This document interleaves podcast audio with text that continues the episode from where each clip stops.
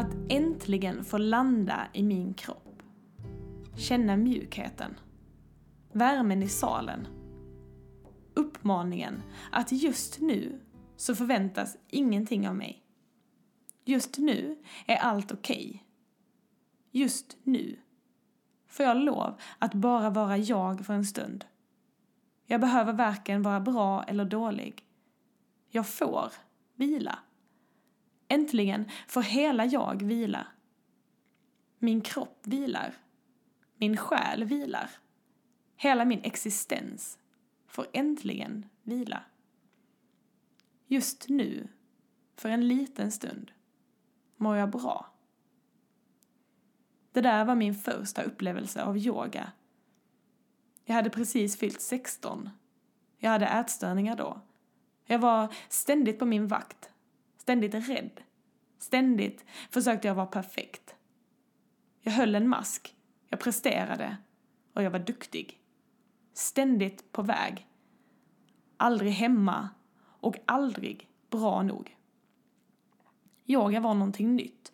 En fluga inom gym och träningsvärlden trodde man då. De hade precis börjat med yoga på vårt lokala gym i Löddeköpinge. Pappa hade kommit hem med en artikel från jobb om att yoga hade visat sig vara bra för tjejer med ätstörningar. Tjejer som jag. Kanske var det en idé att prova. Han följde med mig in, köpte ett tiokort och såg till att jag kom dit en gång i veckan, varje tisdag, i tio veckor. Det var början på någonting nytt för mig. Någonting magiskt. Och jag har aldrig, aldrig låtit yoga bli någonting annat än precis just sådär magiskt för mig. Men sen ändrades idealen.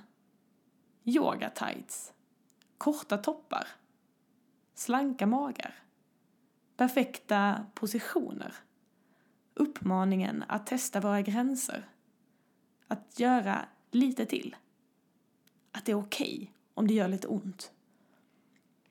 Tajta kläder, nästan inga kläder alls. Är yoga alltid bra om man har en ätstörning? Ännu ett mejl dimper ner i min inkorg. Hur gjorde du för att läka din ätstörning genom yoga? Min blir bara värre. Eller, yoga gjorde mig sjuk. Hur blev idealen så tokiga? Hur blev yogan och kroppen något vi betraktar istället för att känna in? Kroppshets, yoga och ätstörningar. Hur kan vi använda yogan rätt? Jag känner att jag vill säga något dela en historia, dela erfarenhet. För yogans skull. För alla med ätstörningars skull. För allas skull. För mig är det här ett av de viktigaste samtalen som jag har gått och filat på länge. Spelat in, raderat, funderat, raderat igen. Tills Nadja Enedal dök upp. Yoga hjälpte mig att läka min ätstörning men jag kan inte sätta fingret på vad det var. Nadja hade precis som jag också en ätstörning. Och hon, liksom jag, använde det i sin process att börja bli frisk. Att landa. Att lära sig känna in. Tänka om. Det finns idag mer forskning som visar att yoga är bra för personer med ätstörningar. Men idag belyser vi inte de resultaten utan våra egna upplevelser. Några tips, reflektioner, ord från hjärtat som kanske, kanske kan hjälpa en att orientera sig, hitta rätt och framför allt börja använda yogan som ett sätt att hitta hem. Som vi faktiskt gjorde till slut.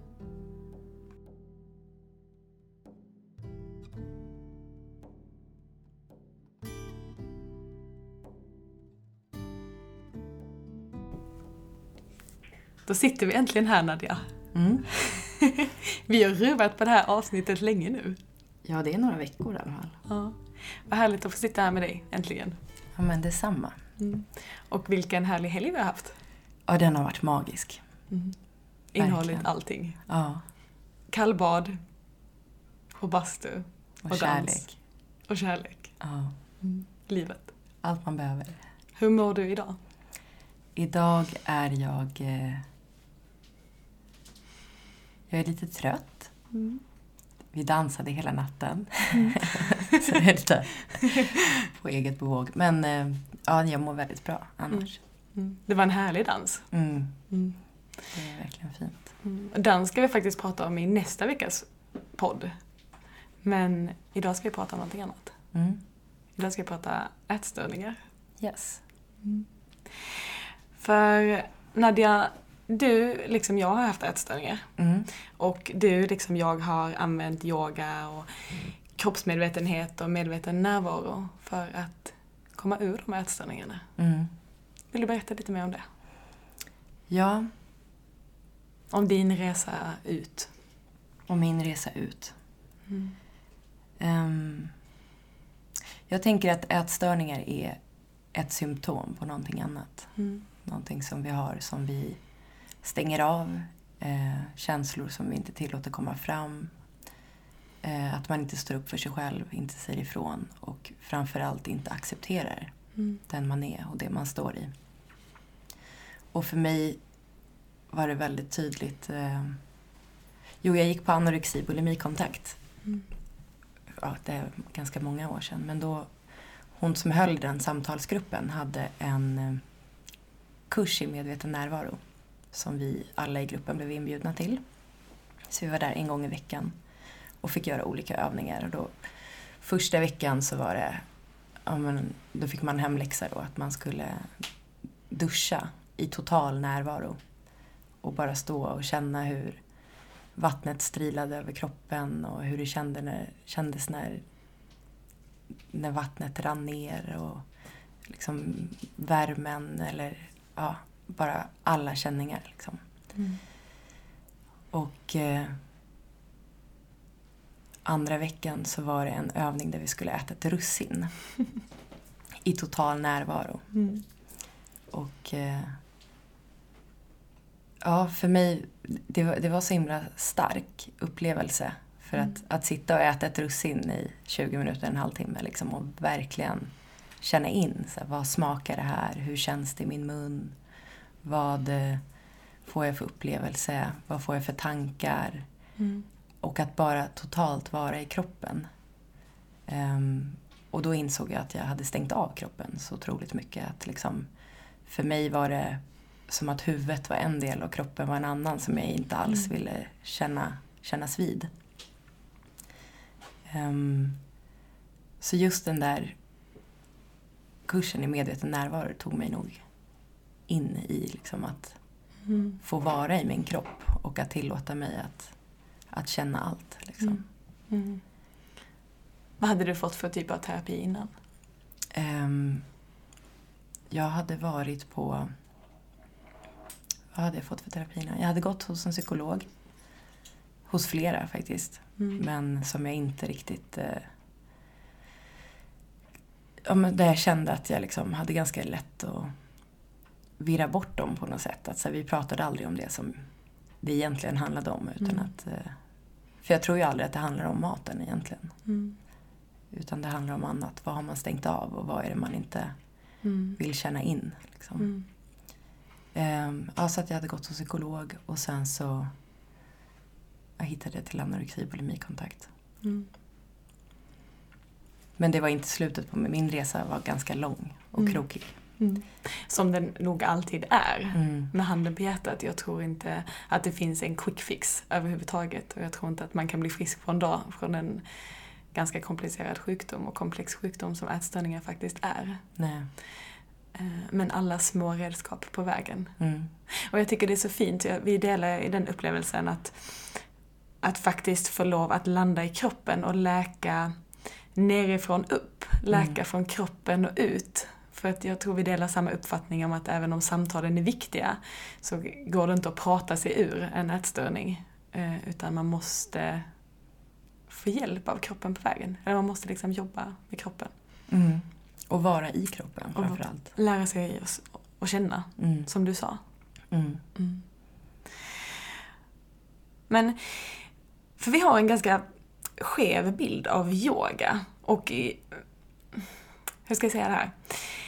Eh, det finns en viss idealbild av yogan, att man ska vara smal och att eh, vi ska göra avancerade positioner. Och jag förstår att yoga kan utlösa en ätstörning i princip. Eller yoga kan också användas för att upprätthålla en ätstörning. Hur gör vi för att använda yoga på ett sätt att läka en ätstörning, tror du? Alltså för mig så har yoga nog aldrig varit en träningsform. Mm. Utan det har varit ett sätt för mig att totalt vara i kroppen och att känna in allt och att känna, eh, känna mina fötter. Liksom, och vad behöver min kropp idag? Mm. Ehm, ja, men ett sätt att landa. Och jag tror att ehm, om man har en ätstörning så tror jag inte på att gå på ashtanga yoga eller liksom den mest fysiska yogan utan att Mm. verkligen se yoga som ett medel till att vara i närvaro.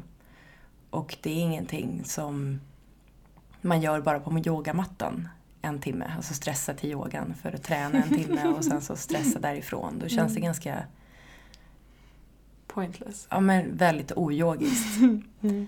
Ehm, jag tror ju att man kan vara i den närvaron. Alltså att man tillåter sig att landa i kroppen och sen så min tanke med den är att eh, då kan jag ta med den under hela dagen. Mm.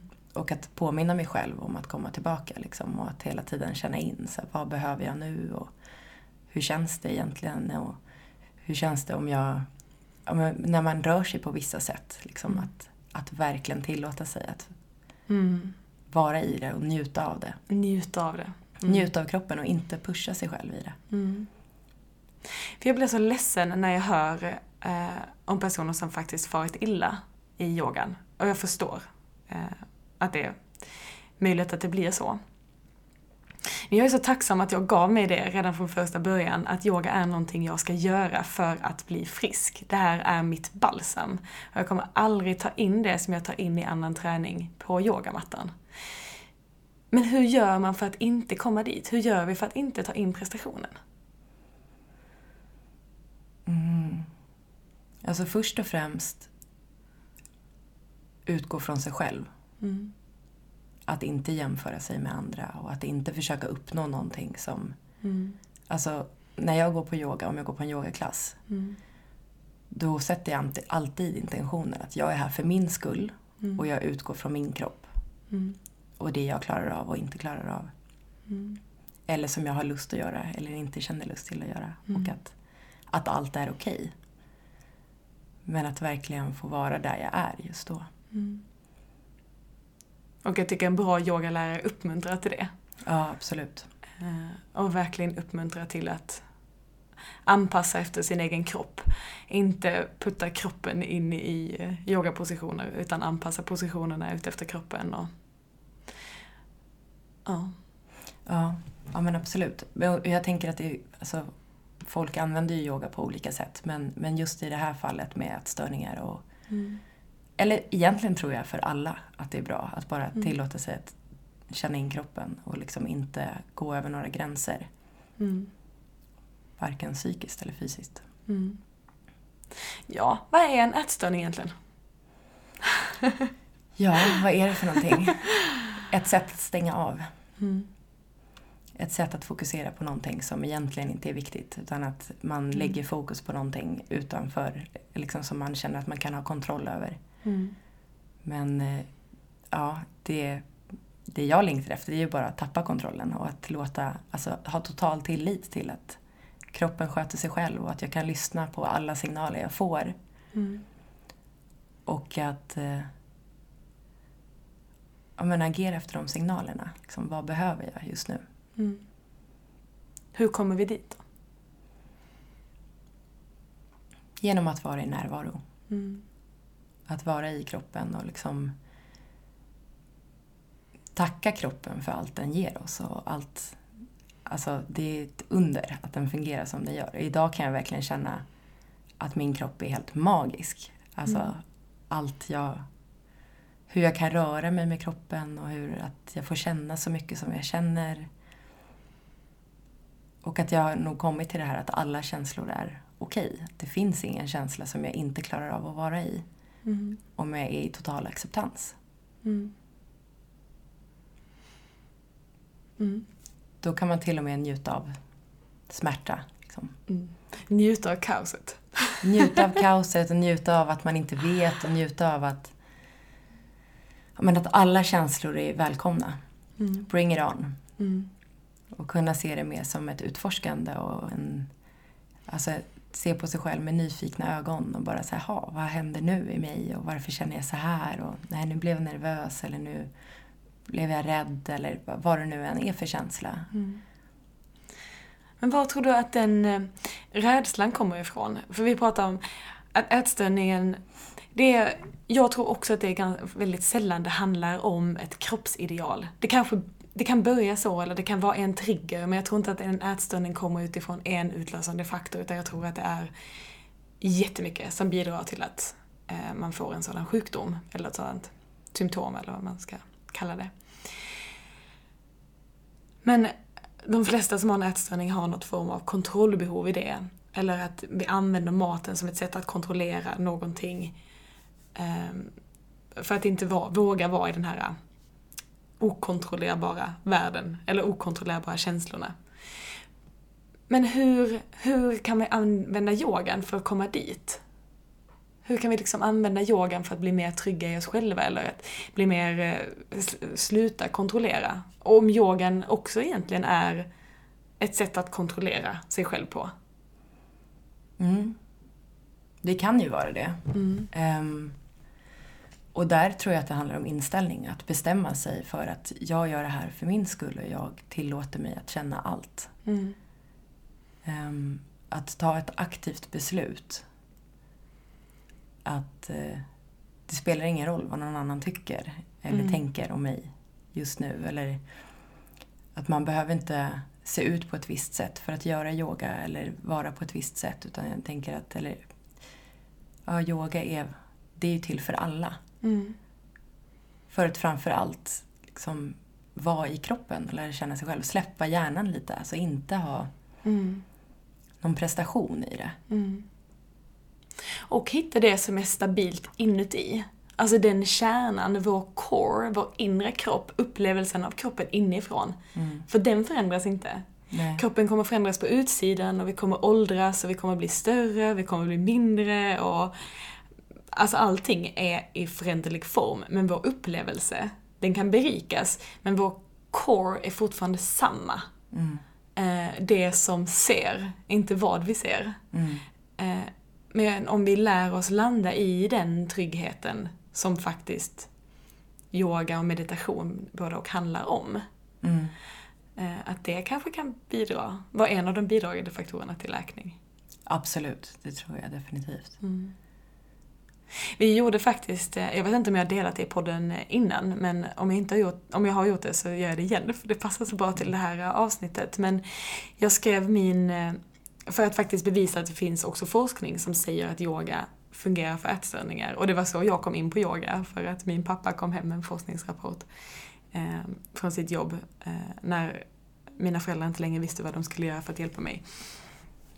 Och då kom han med en forskningsrapport som sa yoga är bra för tjejer med ätstörningar och han tog mig till yogastudion och satte mig där.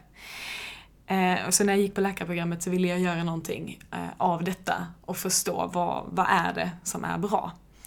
Eh, och då fick jag titta på eh, material som de hade samlat in på ätstörningsenheten i Örebro där man hade gjort mediyoga, alltså medicinsk yoga i sex veckor tror jag. En, det var eh, brutalt lite, en eller två dagar i veckan i sex veckor för eh, personer med ätstörningar. Och vi tänkte väl inte att man skulle säga sådär jättemycket på det, kanske någon trend åt något håll, men inte så signifikanta resultat på en så liten grupp och så kort tid. Men då tittar vi på självbilden innan, mätt med SASP, ett instrument där man mäter olika aspekter av självbild, självhat och kontroll och självkärlek och acceptans och så här och få ut det som en, bild av självbilden.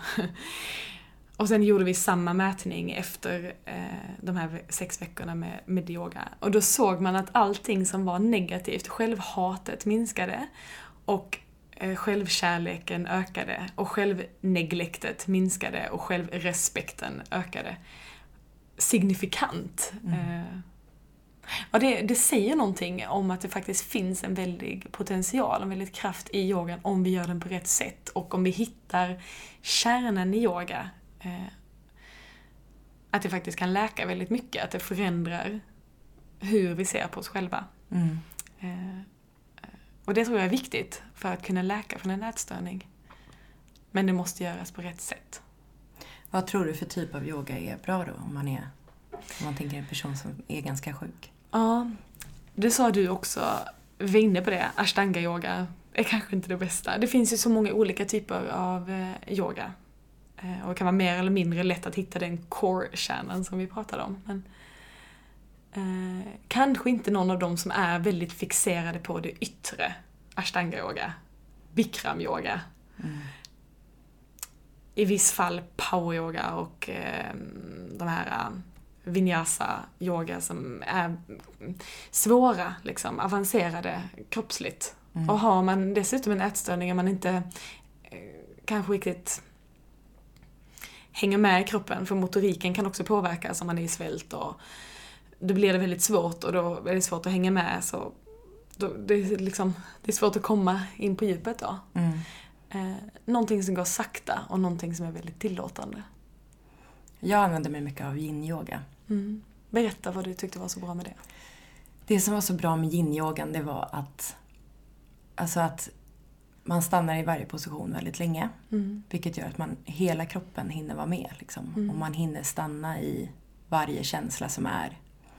Och eh, att kunna gå in och känna så här, oh, men, att även den här känslan går över. Mm. Att kunna vara i det man står i, men veta att det här är bara just nu. Om det var någonting som liksom drog lite obehagligt eller... Mm. Sen ska man ju verkligen där också vara försiktig och inte pusha sig själv. sig. Nej, men, men att kunna liksom vara i en position under en längre tid. Och eh, att inte vara rädd för känslorna eller vad det än är som kommer upp. Mm. För där tror jag också att det handlar väldigt mycket om att man känner någonting i kroppen som triggar någon annan känsla liksom, Mm. som kommer ut. Alltså att man kan, kan uppleva ja, men, sorg eller glädje Mm. eller... Och inte få panik för känslan. Nej, utan bara stanna i den och Acceptera. se att här är den Mm. och den går över. Mm. Och jag finns ändå. Ja. Mm. Och att inte behöva agera på det. Mm. Utan bara vara i total...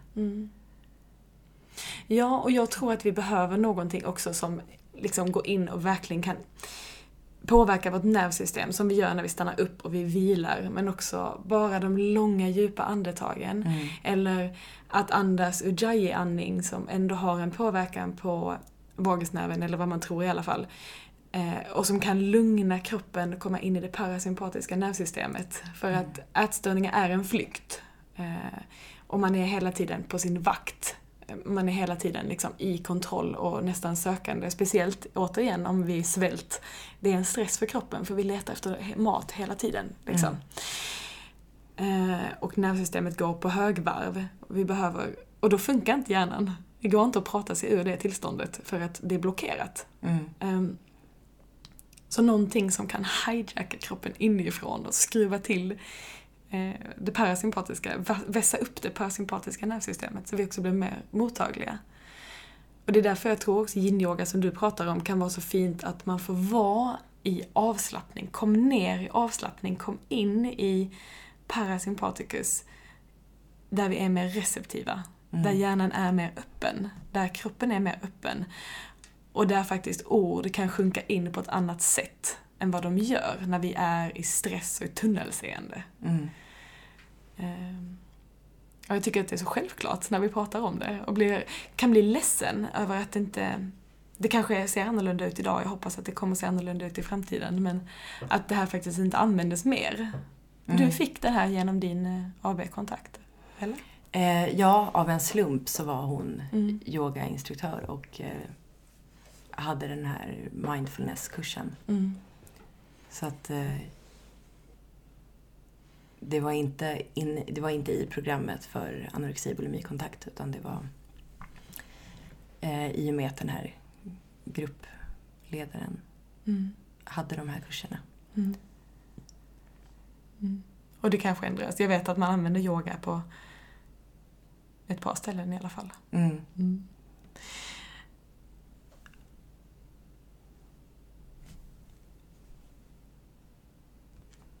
Okej. Nadja, vad, vad, vad betyder att vara i kroppen för dig? Ehm, det betyder att eh, ha kontakt med min kropp. Att känna allting som händer i kroppen. Eh, att inte stänga av. Att tillåta allt som finns finnas där. Alltså alla känslor. Och eh, för mig har det handlat mycket om att acceptera alla känslor som finns. Att inte stänga av någonting eller att värdera det som det här är en dålig känsla, det här är en bra känsla. Utan att alla känslor är välkomna. Ehm, men att man behöver inte agera på dem. Alltså att se dem som, som ett flöde som eh, det kommer och går. Och det är ingenting som är konstant. Och det är, om man är ledsen en dag så är det okej och nästa dag är man glad. Och snarare se det som en möjlighet att, eh, att få den kontrasten i det man är. Liksom. Livet blev ganska roligt också. Ja, men det är, livet är ju magiskt. När vi inser hur lite vi kan styra. Ja. Och, eh, det är som att titta på film varje dag. Mm. Fast vi lever filmen. Mm. Och vi skapar själva vad vi vill ha. Mm. Och när, när vi, det är väl det som är empowerment, när vi lär oss att vi är skaparen, då kan vi också bjuda in det vi vill ha. Och skapa oss den världen vi faktiskt vill leva i. Ja, att man väljer själv. Vi väljer själva. le- leva. Mm. Jag kunde bli så arg och bli så provocerad när eh, folk försökte säga det till mig när jag var sjuk. Mm. För det fanns en, en, också en längtan i mig av att vilja vara sjuk. Ja, men jag tror att det är en trygghet också. Mm. Alltså att man... Eh, att det blir också någonting som blir det vanliga. Liksom. Mm. Att, ja, om, att man accepterar att man mår dåligt på något sätt och att det Mm. blir en identitet. Mm. Snarare än att alltså, tillåta sig att må bra. För mig handlade det väldigt mycket att tillåta mig att njuta av allt. Att Mm. tillåta mig att vara i allting som jag var i. Eller liksom att, Mm. ja, att kunna säga nej tror jag är väldigt viktigt. Mm. Men Du sa ett bra ord där med identitet. Mm. För jag, jag eh, såg mig själv som sjuk och jag ville vara sjuk. Mm. Eh, För jag visste inte vem jag var om jag inte var det. Och Nej. äntligen var jag någon för att jag var sjuk. Eh, Och det var, det kom också om yogafilosofin, en yogalärare som sa det på en yogaklass och jag minns det så himla kraftigt hur det förändrade någonting i mig. För det var som att jag hela livet hade letat efter den här identiteten. Mm. Men hon sa, det handlar inte om att ha en identitet. Mm. Det handlar om att vara i att vi inte har en identitet. Mm. Att välkomna allt, precis som du sa. Och det var ett sånt skifte eh, för mig att släppa det och det blev en sån befrielse. Bara, va? Det innebär om jag inte har en identitet, om jag inte är någon, då är jag allt. Mm. Då är jag varken frisk eller sjuk. Eller jag är ingenting. För jag är allt i det. Och någonting man har idag kanske man inte har imorgon. Exakt. Och att det är också okej. Att vi Ja. väljer varje dag hur, hur vi vill förhålla oss till saker. Mm. Mm. Och att den tryggheten är ju bara en illusion. Alltså att vilja vara sjuk Mm. Är ju i bristen på att se någonting annat. Mm. Eller att tillåta sig vara i någonting annat. Mm. Men livet kändes lite skrämmande utanför den där isbubblan som jag hade byggt upp omkring mig själv. Mm. Eh, och tillåtelse. Och, och ett självvärde i det också. Att eh, inte tillåta sig att få lov att njuta för att jag tyckte inte jag var värd det. Nej. Mm.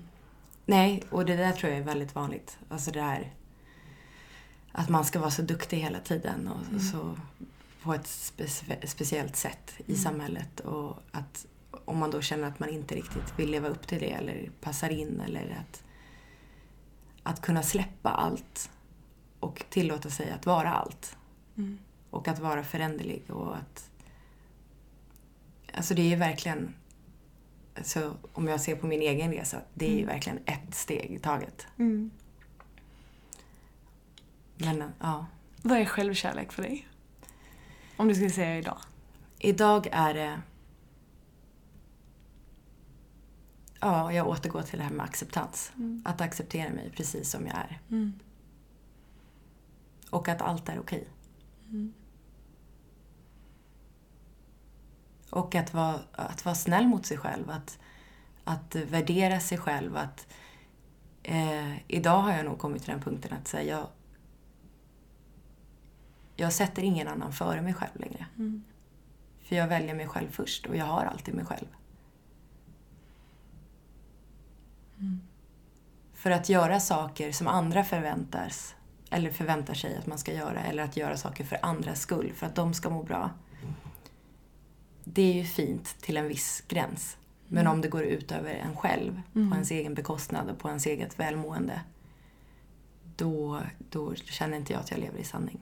Nej, om det slutar med att vi förpestar den här planeten med vår dåliga energi för att vi aldrig känner in och aldrig lyssnar in och sprider. Det är ingen bra tjänst ändå. Nej, ingen som vill ha det i slutändan. nej. Ja. Och vi lever ju bara för oss själva egentligen. Alltså Mm. för, Och om alla gör det, mm, om alla tar hand om sig, om alla sätter sig själva först, mm, eh, då är det ingen som blir utanför. nej. Nej, för då kan jag ju lita på att de andra tar hand om sig själva, precis som Mm. jag tar hand om mig. Vilken utopi det skulle vara. Och allting man gör skulle då göras med hjärtat. Mm. Och det skulle vara en ännu mer utopi. Mm. Ja. Vi pratar mycket om att lära oss att lyssna på kroppens signaler. Mm. Vad... eh, Kanske lyssna mer på kroppens signaler än att värdera den inifrån. Eh, mer än att värdera den utifrån. Mm. Vad betyder det för dig att lyssna på kroppens signaler?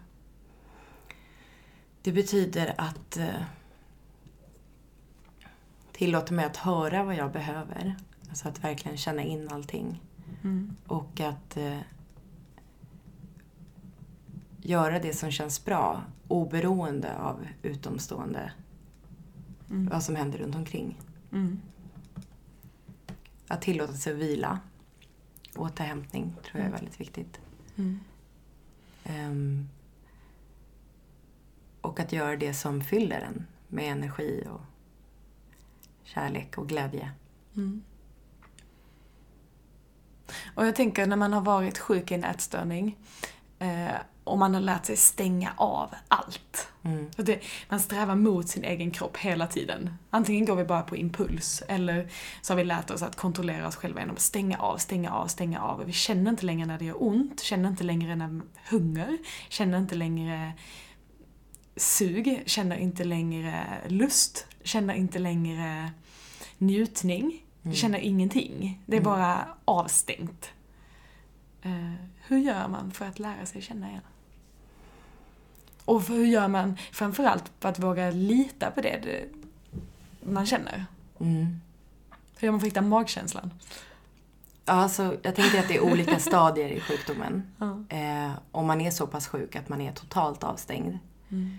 och eh, varken känner hunger eller mättnad eller liksom att man inte hittar det där, att man vet Mm. vad man vill. Att man hör inte de här signalerna. Det enda jag vet är att det, jag får ångest av att äta. Ja, men och där kanske man behöver gå emot den Mm. ångesten och förstå vad som är bra för en själv. Och att lita på att vi behöver äta varje dag. Mm. Och äter vi inte då, alltså hjärnan slutar ju fungera på ett normalt sätt. Mm. Ehm, men att då... Ja, jag tror att om man är riktigt sjuk så behöver man nog bestämma sig för att bli frisk. Mm.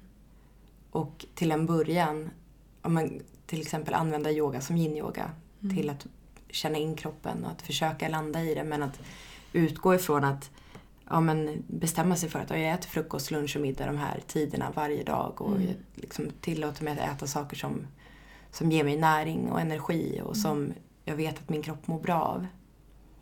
Och där gå emot ångesten. Mm. För ångesten är bara en känsla. Eller jag tänker ångest som ett hopkok av många olika känslor där man inte kan sortera ut vad det är man känner. Utan att man har så mycket undantryckta känslor som till slut uttrycker sig i ångest. Mm. Där man inte vet varken ut eller in. Mm. Eh, och att då inte agera på ångesten Mm. utan att göra det som man mår bra av. Som man vet att man mår bra av. Så man får lura sig själv att man mår bra av för att man i första hand tror att jag kommer, det här kommer vara någonting som får mig att må sämre. Jag tänker att när man är Eller så hur sjuk. menar du nu, lura sig själv?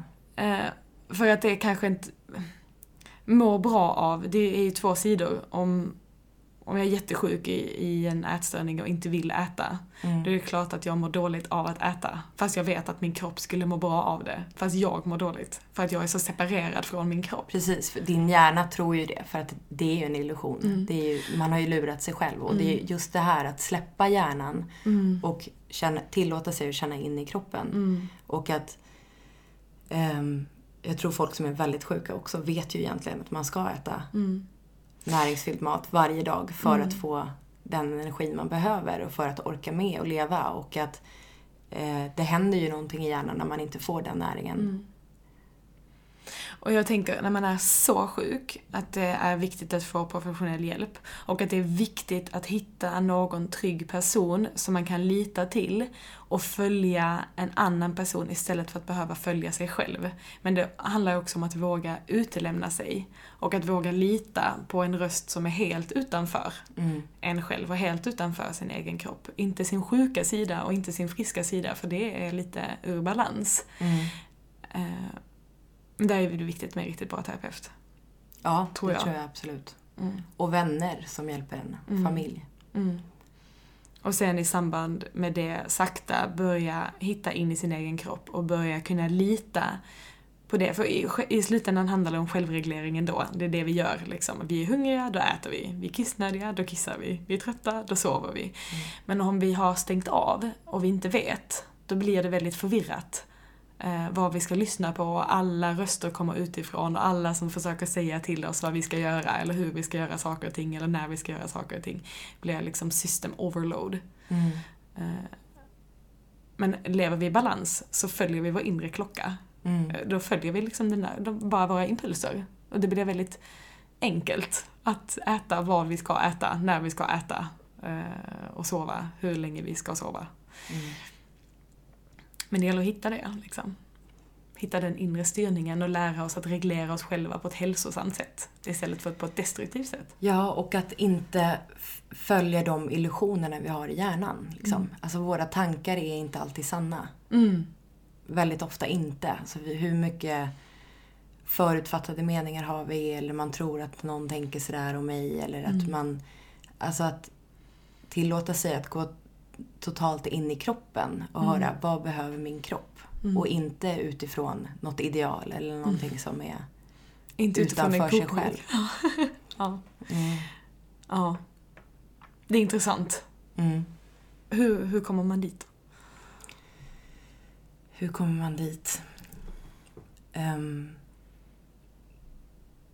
ja, för mig har ju alltså medveten närvaro varit väldigt viktig. Att eh, vara i nuet. Mm. Och att inte tänka varken vad som hände tidigare eller vad som ska hända sen. Utan att vara, vad behöver jag precis just nu? Och att tillåta mig att lyssna på de signalerna i kroppen. Mm. Och att när man äter, att man äter i närvaro. Att man Mm. äter i medvetenhet och känner in hur landar det här i min mage och hur känns det och hur smakar det. Och att, att tillåta sig själv att njuta av det. Mm. Ehm. Mm. Jag tror ett första steg kan vara att stänga av telefonen. Eller alla yttre stimuli egentligen. Alla, ja, absolut alla yttre stimuli. Och våga vara beredd på att bli överraskad. Mm. För att det kan komma upp någonting helt annat än det man tror är Mm. det som ska komma upp. Mm. Och att, att se sig själv som en... Alltså att man studerar sig själv. Mm. Alltså att med, en- verkligen med nyfikenhet och bara så här, nu ska jag lära känna mig själv på nytt. Mm. Inifrån, Ja, inte utifrån. precis. Mm. Inifrån. Mm. Och ha tillit till kroppen. Och att inte ta livet så allvarligt. Nej, det är ju verkligen en jättestor grej faktiskt. Att saker och ting är inte så viktiga som man tror. Nej, definitivt inte hur man ser ut. Nej, Nej. Nej, det är det verkligen inte. Mm. Måste man vara nöjd med sin kropp då för att vara frisk från ätstörning? Vad tror du? Ehm, jag tror att man behöver vara i acceptans med sin kropp. Mm. Och också känna tacksamhet Mm. till den. Mm. Måste jag tycka att den är snygg? Nej, är- det, är inte, det tror jag inte att du måste göra för att vara frisk. Mm. Ehm, däremot, se på den med alltså, kärlek och... Alltså idag kan jag... Jag har haft väldigt mycket problem med mina celluliter tidigare. Och det har varit så jobbigt liksom, att jag inte skulle visa mig på stranden. Eller, och idag känner jag att så här, ja, fast jag kanske fortfarande inte älskar mina celluliter, men jag kan verkligen känna kärlek till det. Mm. Alltså så här, att så här ser jag ut och det är helt okej. Och det har liksom ingen påverkan på hur min kropp fungerar. Mm. Och det be- man behöver inte lägga någon värdering i det. Utan Mm. bara totalt acceptera att Mm. hur man är. Mm. Hur man ser ut. Mm. Vad är liksom friska tankar och vad är sjuka tankar egentligen? Vad är ett friskt och ett sjukt förhållningssätt? Till kroppen. Mm. Det var kanske det du sa redan. Ja, men att, att... För mig handlar det väldigt mycket idag om att, att ge mig själv den kärleken. Liksom. Och Mm. att... Eh, innan har det varit väldigt mycket att eh, njuta tillsammans med någon annan. Eh, och idag tror jag att jag verkligen kan njuta av min egen kropp. Eller liksom att så här, bara att ta på sin hud på armen och liksom känna att... Mm. Alltså så här, varför behöver man en annan person för att Mm. njuta? Det gör man ju inte. Mm. Och att ge den kärleken till sig själv som man oftast har så lätt att ge till någon annan. Mm. Njutningen är ju i oss. ja, Hela tiden. Verkligen. Hela tiden. Ja, Omprogrammera hjärnan till att ta in njutning istället för någonting annat. Återigen, alla det, men se- ser vi glaset halvfullt eller halvtomt, Mm. liksom. Det är ju hur vi väljer att tolka det. mm, Och hur mycket vi väljer att känna, hur mycket vi väljer att... Om vi styr den här beröringen till njutning eller till någonting obehagligt. mm, Eh, I allting vi gör egentligen. mm, Vi kan lära oss att se det vackra, tror jag. Även om vi inte är helt nöjda med hur kroppen, vilka former kroppen har. mm. Mm. Vad, vad har hjälpt dig då för att känna acceptans till din kropp? Eh, det gör jag inte alltid. Nej. Det ska jag med handen på hjärtat säga. Eh, jag, är, jag älskar att vara i den. Jag älskar att dansa. Jag älskar att eh, njuta av den. Jag älskar när den känns stark. Jag älskar när den känns energifylld. Men det är inte varje dag jag kan ställa mig framför spegeln och säga Åh gud vilken bra kropp jag har. Men jag blir nästan mer irriterad på den tanken nu för att det är så många dagar i mitt liv jag har låtit min dag påverkas av vad jag ser i spegeln. Mm. Men det är ju att vara i det som är utanför. Och kan, nu är det ju lättare sagt än gjort, men försöka använda den signalen när jag känner att jag går in i det dömandet. Till att faktiskt skaka om mig själv och tänka, vad är det som är fel nu? Vad är det som gör att jag eh, har hamnat utanför eh, istället för inuti? Mm. Och vad behöver jag just nu för att komma tillbaka in? Sen är, har det också hjälpt mig, tror jag, att idealet idag inte är samma ideal, eh, kroppsideal, som det var för tio år sedan. Mm. Eh, och eh, tack, eh, tack alla som har bidragit till att idealen faktiskt börjar ändras och att vi faktiskt börjar se kvinnokroppen som kvinnokroppen ska se ut och inte kvinnokroppen som en flickkropp eh, som ska vara liten och slank och benig och hård. Liksom. Mm. Eh, och att kunna se och acceptera det kvinnliga. Och att kunna se kvinnliga former och tycka att det är fint. Eh, för det kunde jag inte göra förut. Nej. Eh, Jag tyckte att det var fult och jag tror inte att det var bara min, eh, mitt, mitt inre ideal, utan vad som man faktiskt också blev mer matad av förut. Sen har vi ett annat ideal idag, kanske, som blev negativt för de som... Alltså, eller att... Eh, nu vet jag inte hur jag ska säga det. vi har ett ideal av att vi är starkt, det är snyggt. Eh, det ska vara muskulöst, det ska vara, men det är inte alla som har den kroppen heller. Nej men och det är ju också bara ideal som kommer utifrån, som mm. förändras, som också är en illusion om vad mm. som är fint eller fult. Eller, mm. Alltså det är att man lägger värdering i allting. Mm. Och jag tror att, att det handlar mycket om att lägga alla värderingar åt sidan. Och vara med sig själv. Mm. Det I kärlek. Sen, man mm. behöver inte... Jag tror inte heller att man behöver se sig i spegeln och tycka att man är snygg. Alltså det är inte... Och för mig, jag tror att det är det som jag har förändrat. Att, att jag accepterar mig själv. Mm. Och sen kanske inte jag varje dag tycker att, oh, men gud vad härligt med de här, vad det nu är. Men jag tänker ändå att det är, det är okej okay ändå. Mm. Och att det kommer aldrig hindra mig idag mm. att göra någonting. Mm. Som att gå till badstranden eller att mm. eh, gå på en yogaklass med massa andra. Eller alltså saker som jag förut tänkte att nej men det gör jag sen när jag blir smal. Mm. Men vi lever ju bara nu. Mm. Och idag kan jag välja att göra det jag vill göra. Mm. Varje dag. Vilka råd vill du skicka med till de som lyssnar som kanske har en ätstörning själva eller har en vän eller en anhörig som har ätstörningar? Um, jag tror en viktig del är att vara sann mot sig själv. Mm. Um, att våga prata om det. Mm. Våga be om hjälp. Mm. Att, och jag tror att vi alla innerst inne vet vad vi behöver. Mm. Men eh, ofta så har man lättare att gå på det någon annan säger eller det Alltså att, att tillåta sig att vara i kroppen och de signalerna som kroppen ger. Mm. De kan vi lyssna på liksom. Mm. Och lita på. Mm.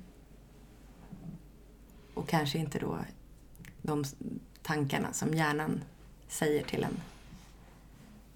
Mm. Hitta tillbaka till the core. Mm. Ja, men ja, dels det, att prata om det. Att, mm. eh, att be om hjälp, att inte känna att det är något skamligt i det. Mm. Um,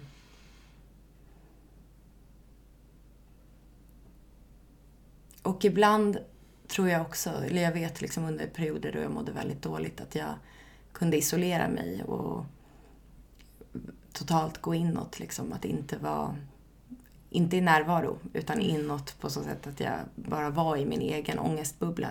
Mm.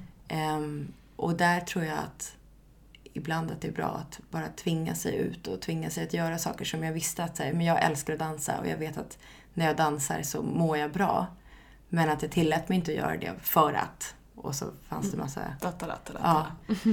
Men att eh, lita på att jag vet vad jag mår bra av och se till att göra det och inte vänta till imorgon för att må bra. Mm. Har du några tips? Eh, mina tips? Um, nej men att komma tillbaka in liksom. Att sluta leva i bilden av vad vi skulle vilja vara och istället försöka leva mer i bilden av vad vi faktiskt är. Och släppa förväntningar eh, utifrån. Det är så lätt att... Men vi målar upp hur, vi målar upp en bild av vart vi vill vara eller vad vi tror ska göra oss lyckliga. Och så blir livet en strävan efter att komma dit och vi tappar vårt nu för att vi är alltid på väg. Mm. Men att komma tillbaka till det som faktiskt är, komma tillbaka in i kroppen, komma tillbaka in i nuet. Um, och att leva mer inifrån. Och plocka in det som vi vet att vi vill ha i livet. Mm. Nu. Det är den där klyschan, att leva varje dag som att den är den sista. Men på ett sätt, ja. Liksom. Uh, för jag tror att då hamnar vi ändå rätt. Vi litar på processen. Att om vi vågar släppa taget lite grann eh, och vågar faktiskt leva och tillåta oss att göra det så hamnar vi rätt i slutändan ändå. Och när det kommer till ideal så finns det ingenting som är finare än lycka och glädje och kärlek som lyser igenom. Eh, och då spelar det ingen roll hur många kilo eller var kurvorna sitter. Utan det är bara vackert med, i, med en människa som lever i balans eh, med sig själv och som lever i njutning. Eh, och att det kan vara det nya idealet.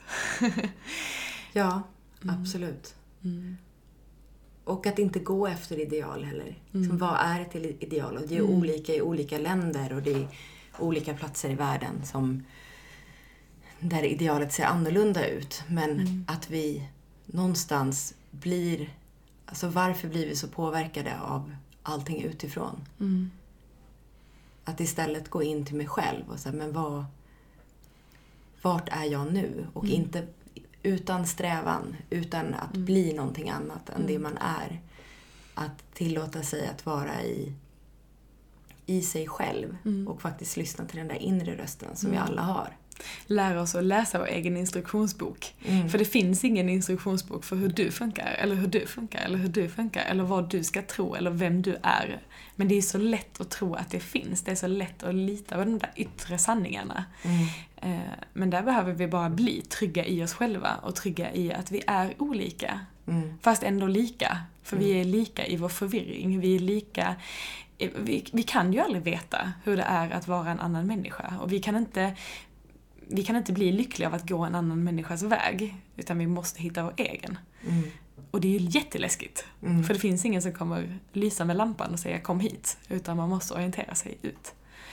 Um, men att våga göra det med nyfikenhet, som vi redan har sagt. Mm. Uh, skratta. Vad kan jag upptäcka på vägen? Var tacksam. Tror jag också. Komma tillbaka till tacksamhet över att vi är på den här jorden en begränsad tid. Det finns så himla mycket att upptäcka, så himla mycket att njuta av. Och vi kan inte ta del av det om vi fastnar i oss själva, eller vi fastnar i vårt eget huvud, eller vi fastnar i prestation, eller vi fastnar Eller andras i... värderingar, jämförelse, ah. vad det finns för förväntningar på en. Ah. Nej, det tror jag också att man behöver lära sig att lyssna till sig själv och vad mm. man vilket sätt, för det här är större än bara ätstörning. Det är, mm. Jag tror att det handlar om hela samhället. Hur vill jag leva mitt liv? Mm om det inte fanns några förväntningar eller krav eller någon strävan. Eller normer. Eller normer. Mm. Vem skulle jag då vara? Mm. Och kunna välja att vara den mm. även idag. jag sitter här och drar efter andan och bara... Och våga.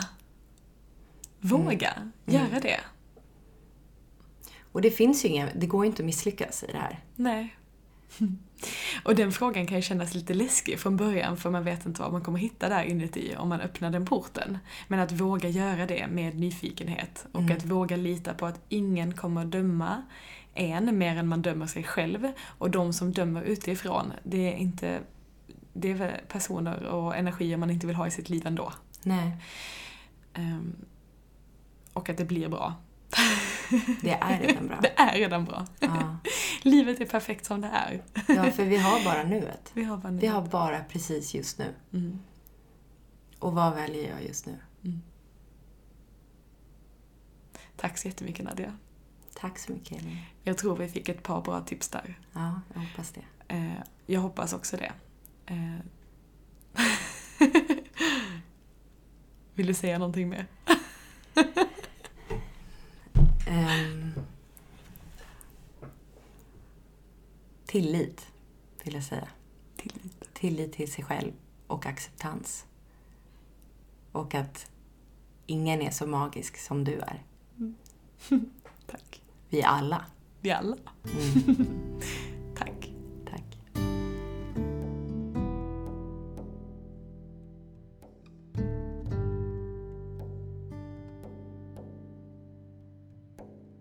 Hejsan allihopa, det här är Johan, producent på Yogadoktorn och den här veckan vill jag ge ett extra stort tack till ehm, Peter och alla andra på Yogoby som ehm, sponsrar den här veckans avsnitt och håller oss flytande.